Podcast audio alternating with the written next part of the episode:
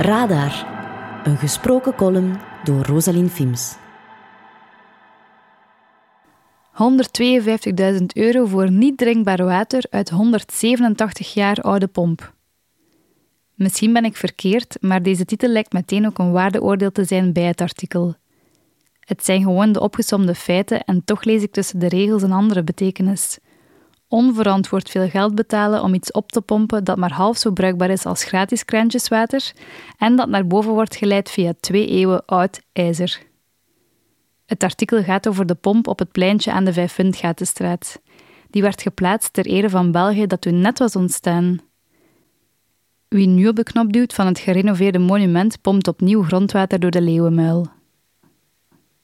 Ik moest door het artikel over de renovatie denken aan een andere bekende waterbron die werd aangepakt. In een sloppenwijk van Douala in Cameroen staat een waterpunt dat meer dan duizend gezinnen voorziet van water. Kunstenaar Philippe Aguirre maakte via een slimme ingreep van de modderige put een ontmoetingsplaats voor de gezinnen. De ruimte rond de pomp is nu een sculptuur die een soort mini-amfitheater nabootst.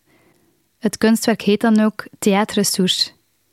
Elke beweging van de buurtbewoners wordt door de setting verheven tot een poëtische actie. Een dagelijks stadsleven is door het kunstwerk simpelweg ook een stuk aangenamer geworden.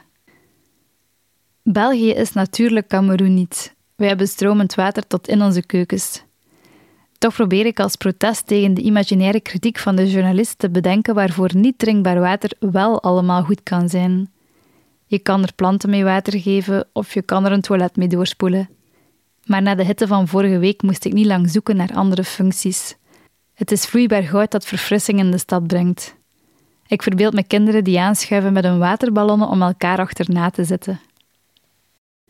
België is Cameroen niet, maar Douala is een stad die uit haar voegen barst, net zoals Gent soms ook lijkt te barsten. Er wordt ingezet op openbare ruimte en toch is het lang niet genoeg, zeker niet op warme zomerdagen. Wie dit weekend op andere plekken in de stad verfrissing zocht, kwam al snel uit bij de Blaarmeerse.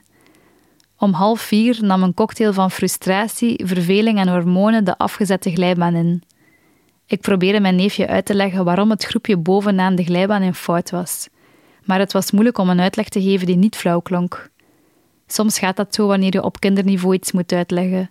De regels klinken plots absurder dan wanneer je ze gewoon aanneemt. Waarom mocht niemand op deze warme dag van de glijbaan en waarom was het nu zo erg dat deze jongeren het heft in eigen handen hadden genomen? Er zijn productontwerpers die zeggen dat het beste kinderspeelgoed geen duidelijke functie heeft, maar het kind net uitdaagt om voor de vorm of object een eigen gebruiksmanier te verzinnen. Deze week vroeg ik mij af of hetzelfde niet kan gelden voor onze openbare ruimte. Een plek als de Blaremeerse biedt ruimte om ontspanning en ontmoeting mogelijk te maken, maar wanneer elke stad maar één plek heeft waar water en ontspanning samenkomen, krijg je een bom die op een gegeven moment wel moet barsten. Het stadsbestuur kan ervoor kiezen om het spel slim te spelen door meer publieke ruimte in het midden van de stad te creëren, zonder duidelijke functie en zonder afgeleide spelregels. Een fontein met niet drinkbaar water kan het begin zijn van een plek waar ook de gemoederen kunnen afkoelen. Wat de jongeren daarboven op de glijbaan deden, dat snapte mijn neefje wel. Dat was een overtreding.